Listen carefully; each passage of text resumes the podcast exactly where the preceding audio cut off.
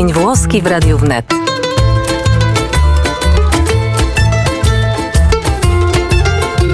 Vi inventiamo a una giornata italiana con Radio Wnet. Kon Radio Wnet, y, a kon, kon, Radio Wnet też pan y, profesor Andrzej Szczerski, dyrektor Muzeum Narodowego w Krakowie, czyli najbardziej włoskim mieście polskim. Tak? Dzień dobry. Buonasera, tak, to jest najbardziej włoskie miasto w Polsce. Bo przed wojną to jeszcze Lwów walczył o palmę pierwszeństwa, prawda? Troszeczkę Myślę, że tak. W ogóle architektura taka włoska jest tutaj w, na południu Polski w niektórych miejscach takich mniej oczywistych zachowana, albo detale jak Krosno, Jarosław, e, Rzeszów. Natomiast Kraków bez wątpienia jest takim miastem, gdzie najwięcej zachowało się wybitnej sztuki, która do nas przyjechała z Italii. No i, i, architektury, powiedzmy od sukiennic zaczynając, prawda? To jest przecież włoska architektura. To prawda i to jest też e, niezwykle interesujące, że e, sukiennice, budynek gotycki w, w swoim rdzeniu przebudowany w XVI wieku przez e, architekta z Padwy, nazywanego Padovano, e, w XIX wieku, pod koniec, kiedy budowano Kraków w zasadzie od początku, jeśli chodzi o jego zabytki, bo te restauracje zabytków wtedy prowadzone pod koniec XIX wieku były na wielką skalę, odkrywano jak gdyby te pierwotne formy zabytków. Właśnie e, architekt Tomasz Pryliński przebudował sukienicę tak, żeby wydobyć te włoskie elementy. Co więcej, on wpisał je w taki geniusz locji Krakowa, żeby nie powiedzieć styl Krakowa charakterystyczny. Jego zdaniem zwłaszcza attyka czy ornamenty włoskie. To było coś, co charakteryzowało Kraków, miało stać takim elementem rodzimym w Krakowie, więc to nawet nie było już postrzegane wtedy jako coś włoskiego, tylko jako coś lokalnego, naszego krakowskiego rodzimego, a szerzej polskiego, ponieważ uważano, że ta attyka mm, e, włoska i detale architektoniczne są elementem wręcz takiego narodowego kolorytu architektury polskiej XVI wieku, który chciano odtworzyć pod koniec XIX wieku w okresie zaborów, żeby pokazać, że mieliśmy własną architekturę właśnie o włoskich korzeniach. Y, No właśnie, a i te, ta, no jest to widoczne. No, jakby czasami można iść ulicą i jak się zapomni, że się jest w Polsce, to można sobie pomyśleć, że się jest na przykład w takiej padwie, te arkady, te kamienice, to y, ja, ja tak czasami sobie tak wspominam i to sobie nakładam, ale to jest tylko, a czy Kraków świętuje dzisiaj e, Dzień Włoski z okazji Święta Narodowego Włoch w jakiś sposób, czy nie? Myślę, że w, w Krakowie e, Instytut Włoski z pewnością organizuje jakieś wydarzenia. Natomiast e, teraz w związku z pandemią no to jest jednak bardzo, bardzo ograniczone, ale ja muszę powiedzieć, że w Krakowie, kiedy tylko zrobi się trochę cieplej i wyjdzie słońce i dnie są dłuższe, dni są dłuższe, to ta włoska atmosfera jest e, wszędzie, bo to widać od tych restauracji, które serwują włoskie jedzenie przez w dobrych czasach koncerty muzyki włoskiej w naszych kościołach inspirowanych kościołami rzymskimi. No czy wreszcie ten spacer na przykład ulicą Kanoniczą, to w zasadzie jest codziennie święto włoskie, bo ulica Kanonicza, ta u stóp Wawelu to jest taka najbardziej włoska e, ulica w, na Starym Mieście. No jest mnóstwo, y, słuchamy muzyki włoskiej, oglądamy obrazy włoskich mistrzów w kościołach, prawda? Y, i, no i oczywiście jedna z naj, najwspanialszych kolekcji malarstwa włoskiego w Krakowie też się znajduje i w Muzeum Narodowym i na Wawelu. Y, No, a, a proszę mi powiedzieć jeszcze, czy jakieś są takie nuty, bo y, jak przybyła y, Bona Sforza, prawda, to, to przywiozła też te, te, te jedzeniowe mody, które no, zostały zaszczepione niejako w Polsce, prawda? Też do tej pory to się dzieje. No tak, tak. Nawet na Wawelu były specjalne ogrody, gdzie uprawiano takie włoskie nowalijki, powiedzielibyśmy wtedy. E, To były zarówno ogrody, które były na poziomie e, szczytów wzgórza, jak i na jego zboczach. Wiemy na przykład, że winorośl, która została przywieziona e, z Włoch była tam uprawiana. Natomiast mówiąc o, o Bonie Sforcy, czy o, o tamtych czasach, czyli początek w ogóle o tym epoce renesansu, warto pamiętać, że w Krakowie powstały takie wybitne dzieła sztuki włoskiej, bardzo wcześnie, właśnie poza Italią, pokazujące florencki renesans. To jest przede wszystkim kaplica Zygmuntowska. Warto o tym pamiętać, że e, tutaj nie e, sprowadzano przeciętnych architektów i to nie była architektura mm, taka wtórna, tylko to rzeczywiście był eksport z najlepszego wówczas ośrodka architektury renesansowej na północ od Alp. A jeśli chodzi o malarstwo, no to oczywiście dzięki Czartoryskim mamy najwybitniejszy obraz włoski też na północ od Alp i tutaj w, w Europie Środkowo-Wschodniej, czyli damy z Gronostajem. I to powoduje, że, że my się tutaj czujemy rzeczywiście uprzywilejowani pod tym względem, jako honorowi Włosi.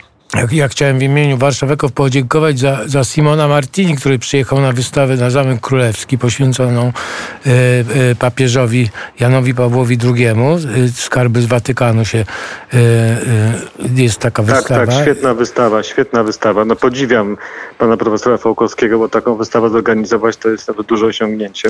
Także e, no, mam, mamy, podziwiamy Warszawę. Możemy się pochwalić Fra Angelico, bo Fra Angelika nie macie, co? nie, nie, ale mamy bardzo dużo włoskiej, włoskiej sztuki właśnie w budynku w, kamienicy, w Pałacu Czartoryskich oczywiście i też od niedawna otwarta część poświęcona sztuce starożytnej, gdzie też przecież jest sztuka rzymska, czyli Italii starożytnej, bardzo pięknie prezentowana. My z kolei w Krakowie mamy najlepsze zbiory w Polsce rzeźby późno-rzymskiej, takie potężne statuły e, znakomitej sztuki wczesnochrześcijańskiej, też z terenów Italii. E, tutaj pod tym względem ta kolekcja czartoryskich eksponowana od kilku tygodni w odnowionym arsenale jest też wyjątkowa na skalę ogólnopolską. A myśli pan, bo ja, mam, ja byłem w tym Muzeum Czartoryskich i trochę mnie zmroziła cena, 35 zł. Bilet, no to takie, y, no dla studenta to tak, no na przykład to y, strasznie drogo. Ale my mamy różne oferty y, zniżkowe. Poza tym wtorki są u nas dniem wstępu wolnego do galerii. To tak jak w Warszawie. To, to więc można w jeden dzień tygodnia wejść do nas na wystawę. Zapraszamy za darmo. To dobrze. Nie, bo ja, bo ja byłem raz i po prostu kupiłem bilet po prostu w biegu. Tak już nie, nie, nie, nie wnikałem w, w szczegóły, ale byłem dosyć zdziwiony. No. Ale no to, bo to du, dużo, no ale nie, no, dużo też pewnie y, wymagało, wymaga, y, y, że tak powiem, obsługa i konserwacja, etc., etc. No, przypomnę, że jest między innymi y, obraz y, Adoracja Dzieciątka Lorenza Lotta, mój, mój, mój jeden z ukochanych malarzy i Gustawa Herminga Grudzińskiego, który e, przecież w Neapolu e, mieszkał. No i pięknie pisał o malarstwie włoskim. Ja bym też polecił obrazy Alessandro Maniasco. To jest taki genueński malarz XVIII-wieczny, e, który tworzył obrazy takie preromantyczne jakie słynne przedstawienia mnichów jakieś wśród ruin czy, czy lasów takich romantycznych. Te obiekty będą pokazywane mm, teraz częściowo w Muzeum Czartoryskich, ale też pod krakowskich Niepołomicach, gdzie mamy również odnowiony zamek w stylu renesansowym zbudowany i tam też mamy y, część naszej galerii, wypożyczamy do Muzeum Niepołomickiego. Jak już jesteśmy w Krakowie, to warto się wybrać. To jest niewielka miejscowość pod Krakowem, słynna historycznie, gdzie właśnie też jest do zobaczenia sztuka włoska z naszych zbiorów. A jakieś propozycje Państwo mają na, na, na lato yy, szczególne teraz? No oczywiście pod warunkiem, że nie, nie nastąpi znowu katastrofa i yy, przerzucenie zwrotnicy pod tytułem Zamykamy się. No, mam nadzieję, że tak nie będzie, no nic za to nie wskazuje. My przygotowaliśmy na to dwie wystawy czasowe, takie bardzo spektakularne, pod względem wielkości też doboru obiektów. To jest pierwsza, którą otwieramy 1 lipca, o polskich stylach narodowych przełomu XIX-XX wieku. Będziemy pokazywali, jak polscy twórcy chcieli stworzyć taką narodową formę, opierając się na sztuce ludowej, ale nie tylko. Mówimy tu o stylu zakopiańskim, inspiracja husulszczyzną, działalności designerów, e, mówiąc dzisiejszym językiem, e, z warsztatów krakowskich czy polskiej sztuki stosowanej. To jest fantastyczna sztuka, taka właśnie bardzo poszukująca tych odrębności polskiej, jednocześnie jakoś tam zakorzeniona w tym, co w kulturze dla wszystkich jest właściwie wspólne, czyli takiej celebracji życia, witalności, e, związku człowieka z naturą. Więc to jest pierwsza propozycja w gmachu głównym, na parterze największa wystawa E, tego roku. I druga wystawa, też w gmachu głównym, to jest ten gmach koło Błoń. E, na pierwszym piętrze otwieramy na początku sierpnia wystawę e, japońskiej grafiki mistrza Hokusai, który mamy też w naszych zbiorach dzięki Feliksowi Jasińskiemu. To jest z kolei taka przepiękna aranżacja w stylu japońskiego ogrodu. Będziemy wchodzili do galerii i będziemy się przenosili do japońskiego ogrodu i w tym ogrodzie będą pokazywane te no, wyśmienite prace graficzne. Więc to jest ta propozycja numer dwa od sierpnia. Myślę, że obie znajdą tutaj zainteresowanych E, wśród i krakowian i właśnie zapraszamy wszystkich e, również do nas. A poza tym my zawsze oferujemy stałe ekspozycje. W tym właśnie takie włoskim kolorycie, czyli poza wspomnianym już wielokrotnie Muzeum Książąt Czartoryskich, mamy też inspirowane Italią dzieła e, średniowieczne, nowożytne w Pałacu Biskupa Razmaciołka przy ulicy Kanoniczej, tej właśnie włoskiej ulicy w Krakowie. I e, polecam też e, jak zwykle sukiennice, o których dzisiaj też mówiliśmy na pierwszym piętrze Galeria Malarstwa Polskiego, e, w tym takich twórców jak Baciarelli, który był Włochem, działał w Warszawie w XVIII wieku, ale w tej galerii mamy też Matejkę, Chełmońskiego, Siemirackiego. No to jest nasza flagowa galeria.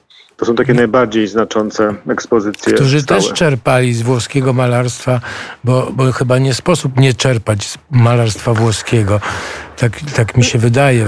No nie sposób. No, Matejko na przykład, wiemy, że podziwiał Paola Veronese i e, malarza działającego głównie w Wenecji e, w XVI wieku i to jest e, widoczne w tym obrazie, który właśnie jest do zobaczenia w sukiennicach, czyli w hołdzie pruskim, gdzie mamy taką specjalnie kolorystykę renesansową, zaczerpniętą bez wątpienia z obrazów Veroneza. Myślę, jak patrzymy na, kiedy patrzymy na obyczajowość polską, sarmacką, e, epoki nowożytnej, zwłaszcza koniec XVII wieku, ta, ta fascynacja Italią jest powszechna, bo to jest i porównywanie Rzeczypospolitej do tej Republiki Rzymskiej e, w tej fazie e, właśnie retorycznej, ale też e, różnego rodzaju nawiązania w obyczajowości, w posługiwaniu się łaciną, w zatrudnianiu olbrzymich ilości artystów włoskich, architektów, rzeźbiarzy, malarzy również których sprowadzano do kraju. E, I e, bez wątpienia mm, można powiedzieć, że ta tożsamość cywilizacyjna wtedy w Polsce była oparta przede wszystkim o to, co uznawano za centrum cywilizacji czyli o, o Rzym, o Italię. E, I to warto pamiętać, że myśmy nie, niespecjalnie wtedy szukali wzorów czy punktów odniesienia na wschodzie, zachodzie czy północy, tylko to zawsze były Włochy.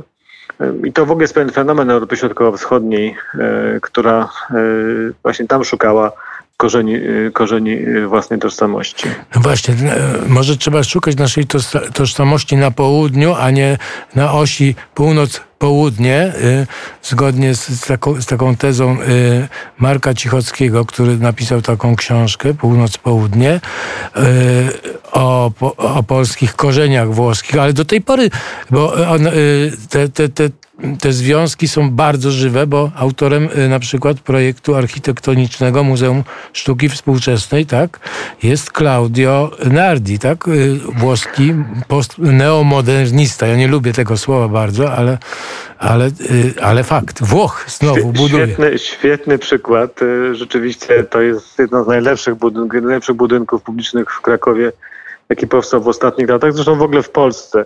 Y, I to jest rzeczywiście projekt, projekt włoski. Ten architekt tutaj działał w Polsce, działa okazjonalnie, no i to jest jedno z jego najlepszych dzieł. Muszę powiedzieć, że gdybyśmy oddali te adaptacje w ręce innych twórców myślę, że nie wyszłyby tak znakomicie. E, I, i e, no warto pamiętać rzeczywiście, że te kontakty są nadal e, bardzo żywe. Myślę, że zwłaszcza, zwłaszcza w architekturze są dla nas cenne, bo ta architektura włoska bardzo pasuje do polskich miast nawet może bardziej niż nam się wydaje, bo my jesteśmy trochę zapatrzeni w taką architekturę modernistyczną z ducha, tam powiedzmy, anglosasko-niemieckiego, a wydaje mi się, że ten właśnie włoski modernizm, taki pełen detalu jest fantastyczny. Takim architektem, który inspirował Polaków przez pewien czas i właściwie, jak sądzę, jest też na dziś, do dzisiaj aktualny, to jest e, Skarpa, Giuliano Scarpa, który jest... Panie pro, profesorze, już musimy kończyć, bo wiadomości za Polecam w każdym razie architekturę e, modernizmu, który też rozumie kontekst historyczny. Dziękuję panu bardzo. Będziemy w kontakcie. Wszystkiego dobrego do i no i będziemy jak najszybciej do Krakowa. Szybko teraz Dziękuję. się jeździ, pociąg jedzie dwie godziny, także można pojechać, tylko obejrzeć wystawę i nawet wrócić sobie z Warszawy. jak przykład. najbardziej, jak najbardziej. Kłaniam Zapraszamy. się pięknie, Kłaniam dziękuję. Się. dziękuję. Do widzenia. Do widzenia.